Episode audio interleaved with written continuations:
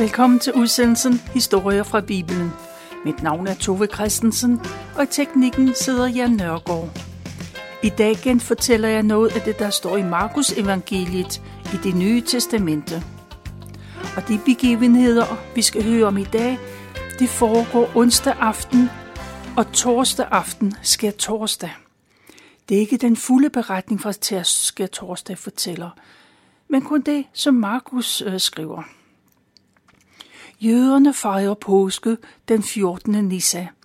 Det er den dag, at israelitterne forlod Ægypten som slaver, og de gik ud af landet som frie mennesker.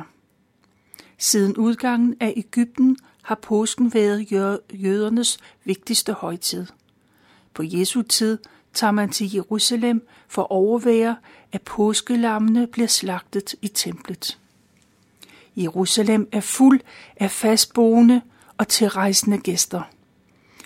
Og både de romerske soldater og de jødiske ledere er ekstra på vagt, for dagen byder som regel på stridigheder, og sindene kommer hurtigt i kog. Og de religiøse ledere, de har faktisk allerede besluttet, at de vil arrestere Jesus og slå ham ihjel. Og den oprindelige plan er, at de vil vente til påskegæsterne er rejst, og øh, så der igen bliver ro i byen. Men som vi kommer til at høre om, så går det ikke helt sådan, for Guds plan er en anden. Intet af det, der sker i påsken, er tilfældigt. Begivenhederne føjer sig ind i hinanden, og alt sker, som Gud har forudsagt. Der er mange henvisninger til profeter i det gamle testamente, der handler om de sidste dage af Jesu liv. Og så fortæller jeg fra Markus evangeliet. Og Markus han skriver jo til de kristne i Rom, og de kender ikke de jødiske skrifter. Og henvisninger til det gamle testamente, det siger dem ikke noget som helst. Derfor fortæller Markus ganske enkelt, hvad der skete i påsken, uden alt for mange henvisninger. De tre andre evangelister skriver til jøder, og de henviser ofte til profetierne, der er sagt. Men det gør Markus som sagt ikke. Markus, han har heller ikke fulgt med Jesus, da han levede her på jorden. Men han skrev det ned, som øh, apostlen Peter han fortalte. Men Markus får alligevel en øjenvidende beretning med ind i sit skrift. For traditionen fortæller, at det var i Markus' families hjem, at Jesus spiste skær torsdag aften. Og det giver god mening, for man ved, at hans familie har et stort hus i Jerusalem. Og Markus har sandsynligvis set, at Jesus blev taget til fange. Og det kan være sket på den måde, at forræderen Judas fører præsternes folk derhen, hvor han sidst har set Jesus, altså i Markus' hjem. Men Jesus er der jo ikke. Han er gået til Gethsemane have. Og den unge Markus har selvfølgelig fulgt efter Judas. Han skal jo se, hvad der sker, når der sker noget.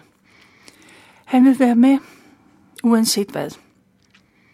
Og så har han fået den beretning til det Peter ellers fortæller, og som han skriver ned.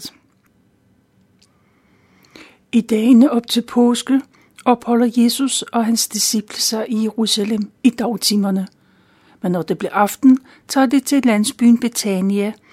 Der bor de hos gode venner. I Betania bor også Simon den spedalske. Og en aften inviterer Simon gæster. Jesus og hans disciple er med, og flere, de og flere andre ligger ved bordene, sådan som det nu er skik. Og så går døren op, og Maria kommer ind i rummet. Hun har en smuk stenkrukke i armen. Krukken er fuld af ægte og meget kostbar nardusolie. Den olie bruger man kun til særlige lejligheder, som når man salver en konge, eller som en sidste ære, når man hælder olien ud over en afdød og meget elsket og savnet familiemedlem. Maria går målrettet hen til Jesus og hun knuser øh, krukkens hals. Så begynder hun at hælde olien ud over Jesu hoved. Alle i spisestuen følger med i, hvad der sker, og man er klar over, at det er en usædvanlig ødsel handling. Alle ser på Jesus og Maria og tænker deres. Nogle af disciplene bliver vrede, og de siger til hinanden, se, hvordan hun froser med den kostbare olie. Og Judas tilføjer, at hun burde jo sælge olien, som kunne få en formue for dem. Penge, som hun passende kunne give til de fattige. Disciplen, øh, de begynder i rette sætte Maria.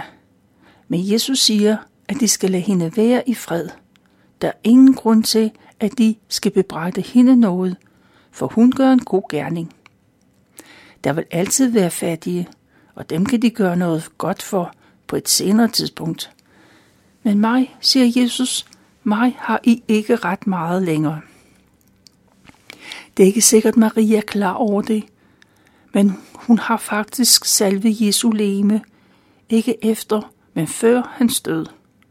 Og Jesus forudsiger, at hvor som helst i hele verden budskabet om ham bliver forkyndt, der vil kvindens gode gerning blive omtalt.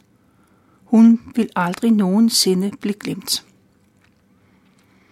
Judas, han føler sig ramt af Jesu ord. For han har det betroet af værv at være kasserer. Men han tager jævnligt af pengekassen og bruger pengene på sig selv. Det forhold siger Jesus ikke noget om. Men Judas ved, at Jesus kender til tyveriet, og han føler sig anklaget. Og så bliver Judas fred. Han bliver vred i stedet for at gå til bekendelse. Judas han er så vred, så han ønsker, at Jesus skal dø. Og så går der ikke lang tid, før han er henne hos ypperste præsterne inde i Jerusalem. Præsterne har i lang tid forsøgt at finde nogen, der kan udspionere Jesus. Men indtil nu er det ikke lykkedes. Men med Judas' hjælp, med en fra Jesu inderkreds, så er det noget andet. Der er en, som kender Jesus meget bedre end de fleste. Og præsterne ser frem til, at de ene dagene får sat Jesus i fængsel, og så kan de henrette ham. Præsterne siger til Judas, at han skal finde et tidspunkt, hvor Jesus er alene. Fængslingen må ikke vække opsigt, for så risikerer de at få hele befolkningen på nakken. Ypperste præsterne og Judas de blev enige om en passende betaling for det forræderi. Og Judas begynder at holde udkig. Han leder efter øh, øh, på et tidspunkt, hvor man kan tage Jesus til fange. Torsdag aften spiser alle jøder et påskemåltid, uanset hvor man befinder sig. Og disciplene spørger Jesus, hvor han havde tænkt, at de skal spise den aften. Det er på tide, at de går i gang med forberedelserne. Torsdag morgen sender Jesus to af sine mest betroede disciple sted. Jesus forklarer, at når de kommer ind i Jerusalem, så vil de møde en mand, der bærer en vandkrukke på hovedet. Ham skal de følge efter, og de skal gå ind i det hus, manden går ind i. Der skal de sige til ejeren, at mesteren har sendt dem. De skal se på det værelse, der er gjort parat. Og så vil de gå ovenpå, og der er et stort rum, hvor der er dækket bord. Og det er til dem, og de skal gå i gang med forberede måltidet. De to disciple går afsted, og de finder det hele, som Jesus har forudsagt. Hen mod aften går Jesus sammen med de andre disciple til Jerusalem og ind i festsalen.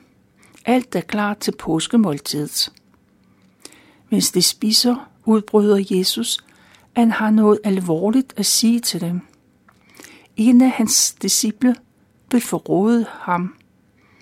Den skyldige er en af dem, der lige nu spiser sammen med Jesus.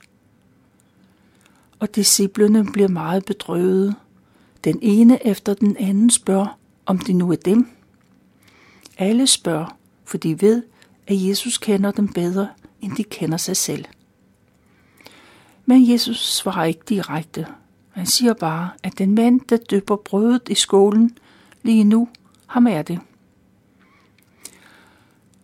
Og Jesus han siger, at han godt ved, at han skal dø.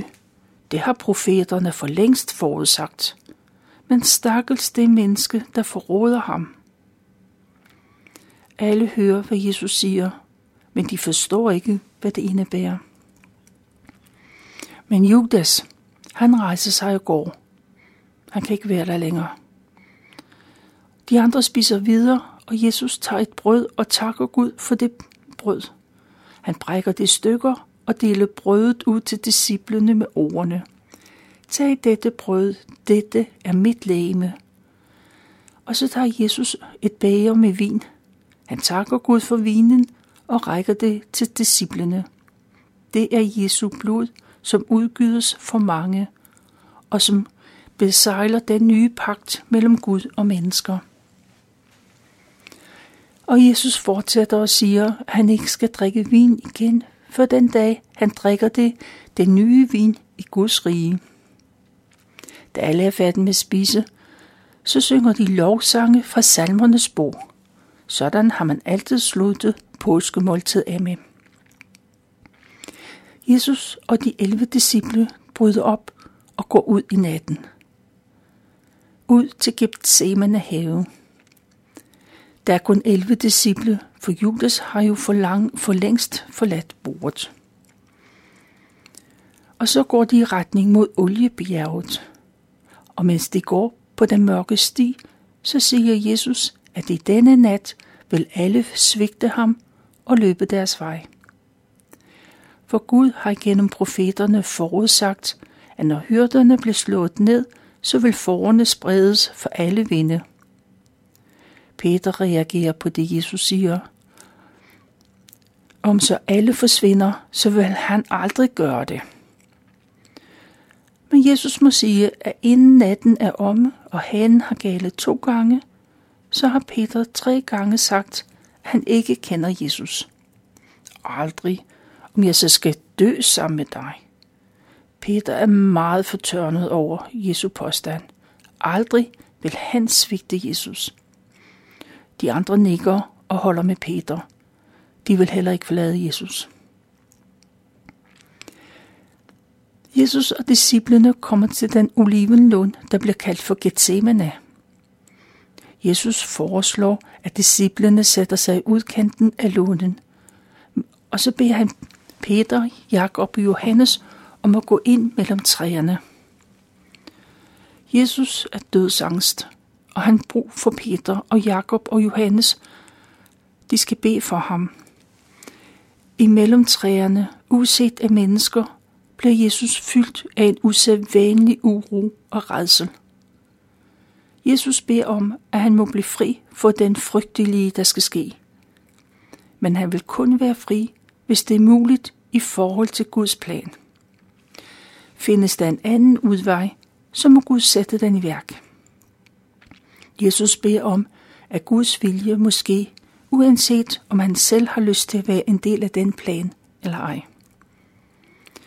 Efter den bøn så går Jesus tilbage til de tre disciple, men de faldet i søvn. Jesus vækker dem, og han ser på Jesus, kunne du ikke våge sammen med mig bare en eneste time? Men de var faldet i søvn. Jesus ved, at de gerne vil, men i sig selv er de så svage. Igen går Jesus lidt væk, og han beder på samme måde som før. Han beder om at blive fri for den opgave, han er sendt til jorden for at udføre. Den fylder ham med gru. Men Jesus ønsker stadigvæk, at Guds vilje måske. Og da Jesus for tredje gang kommer tilbage, og disciplene stadigvæk sover, så vækker Jesus dem og fortæller, at sagen er afgjort. Tiden er inde. Jesus har svaret hans bøn. Jesus kunne ikke blive fri. Og Jesus er klar til at gå, Men i det samme kommer en flok mænd, der er bevæbnet med svag og knibler. Forræderen Judas, han går foran og viser vej. Judas, han har advaret præsternes folk, og så de er bevæbnet, fuldt bevæbnet. Og Jesus, han skal tages til fange. Intet må gå galt. På forhånd har de aftalt, at Judas skal kysse den mand, som de skal tage til fange. Judas vil gøre sit til, at Jesus bliver fanget, og han sikrer sig, at alt er klar.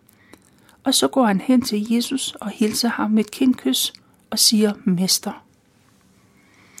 At give kys vidner om, at man kender vedkommende godt. Alle er klar over, at med det tegn forråder han en ven. Judas forråder sin herre og mester, som han fulgt gennem de sidste tre år, og som han har oplevet som meget sammen med. I samme øjeblik, som Judas kysser Jesus, så griber mændene fat i Jesus og holder ham fast. Men Peter, han har set, hvad der er sket, og han forsvarer Jesus. Peter slår ud med sit svær og rammer en af ypperste præstens tjenere, så hans ene øre bliver hugget af. Og Jesus, han konstaterer, at han sandelig må være en farlig forbryder. Det må han være, når mændene er bevæbnet til tænderne, og ingen tager nogen chancer. Og Jesus ser anklagende på dem, og så spørger han, hvorfor de ikke arresterede ham tidligere på dagen, da han nu var inde i templet, eller måske dagen i forvejen. I flere dage har Jesus undervist i templet, uden at de har rørt ham. Jesus kender godt svaret, og han svarer på det selv, for det sker først nu, for at profeternes ord kan gå i opfyldelse. Med andre ord, det der sker lige nu, er forudsagt for længe siden, og man kan læse om det i skrifterne i det gamle testamente. Imens Jesus taler, så flygter alle disciplene.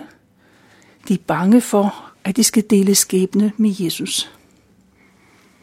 Og præstens mænd, de får fat i, øh, får fat i Peter, men han har held til at vikle sig ud af tøjet, og så flygter han også. I øvrigt, så gør Jesus et under. Han sætter tjenerens ører fast igen, så det er helt. Jesus går frivilligt med mændene, og de kommer til ypperste præstens hus. Selvom det er midt om natten, så går der ikke lang tid før ypperste præsterne og de religiøse ledere også er der, og de sammen med de skriftlærte. Tilsammen udgør de Jerusalems højeste magtmyndighed. Peter følger efter Jesus, men på sikker afstand – og det lykkedes for ham at komme helt ind i ypperste præstens gård. Der sætter han sig sammen med tjenerne og varmer sig ved et bål. Inde i huset prøver de jødiske højeste ret at finde et, eller andet, som de nu kan anklage Jesus for. De vil have ham dødstømt, men de mangler et bevis. Og de lytter til adskillige falske vidner, men de modsiger hinanden. Og de udtalelser, de kan ikke blive brugt til noget som helst. Til sidst så rejser ypperste præsten sig op og siger, at nu har Jesus hørt på forskellige anklager, og hvad har han at sige til sit forsvar? Men Jesus siger ikke et ord. Ypperste præsten spørger så, om han er Guds søn. Er han den frelser, alle venter på? Ja, jeg er, svarer Jesus. Og han fortæller, at de alle skal se ham i himlen, siddende ved Guds side. En gang skal han vende tilbage til jorden, når han kommer ridende på himlens skyer. Det får ypperste præsten op af stolen. Han øh, flænger sit fine tøj Han er helt ud af sig selv over den her blasfemiske udtalelse. Ypperste præsten råber, at hvad skal de med flere vidner? Nu har de jo alle hørt, at Jesus spotter Gud. Og han spotter Gud ved at sige, at han, et menneske, er Gud. Ypperste præsten ser ud over forsamlingen og spørger, hvad folks dom er. Alle i salen er enige om, at med den hån mod Gud skal han straffes med døden. Jesus skal straffes til døde. De har alle læst og grænsket i skrifterne. De kan store dele af det gamle testamente uden ad. De underviser og vejleder andre i religiøse spørgsmål. Disse religiøse mennesker har afsagt deres dom. Jesus skal lide døden for hans Guds bespottelige udtalelser. Der står nogle mænd i nærheden af Jesus. De begynder at spytte på ham. Så lægger de noget stof hen over ansigtet på Jesus, så han ikke kan se noget. Tilhørende begynder at slå på Jesus med knyt næveslag. Slagene kommer, uden han er forberedt på det. Tilhørende siger, at Jesus er jo en profet, som han også beviser med det med sine evner. Han må kunne sige, hvem der slog ham. På den måde håner de Jesus, og selv restbetjentene bliver grebet af stemning, stemningen. De slår også på Jesus, da de fører ham væk. Imens Jesus bliver forhørt, så sidder Peter ude i gården. Og der kommer en tjeneste øh, pige forbi, og så får hun øje på Peter. Hun ser nøje på ham og siger, ham har jeg set. Jeg har set ham sammen med Jesus. Peter ryster på hovedet. Han ved ikke, hvad hun taler om. Og så skynder Peter sig væk fra ilden.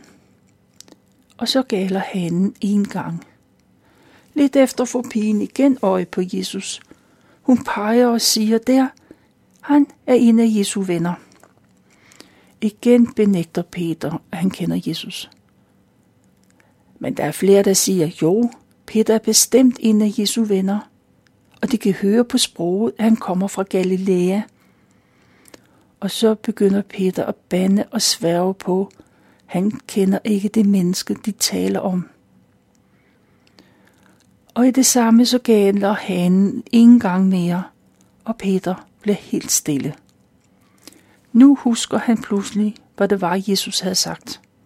Før hanen havde galet to gange, så vil han fornægte Jesus tre gange. Så bryder Peter sammen i gråd. Han fortryder bitterligt sit svigt. Markus fortæller intet om, hvad der sker med Judas, men han fortryder også sine handlinger. De fortryder begge øh, svigt, begge de to mænd. Judas går uden for bymuren og begår selvmord. Peter møder Jesus efter opstandelsen og får tilgivelse. Det er, hvad jeg har valgt at fortælle fra Markus evangeliet kapitel 14,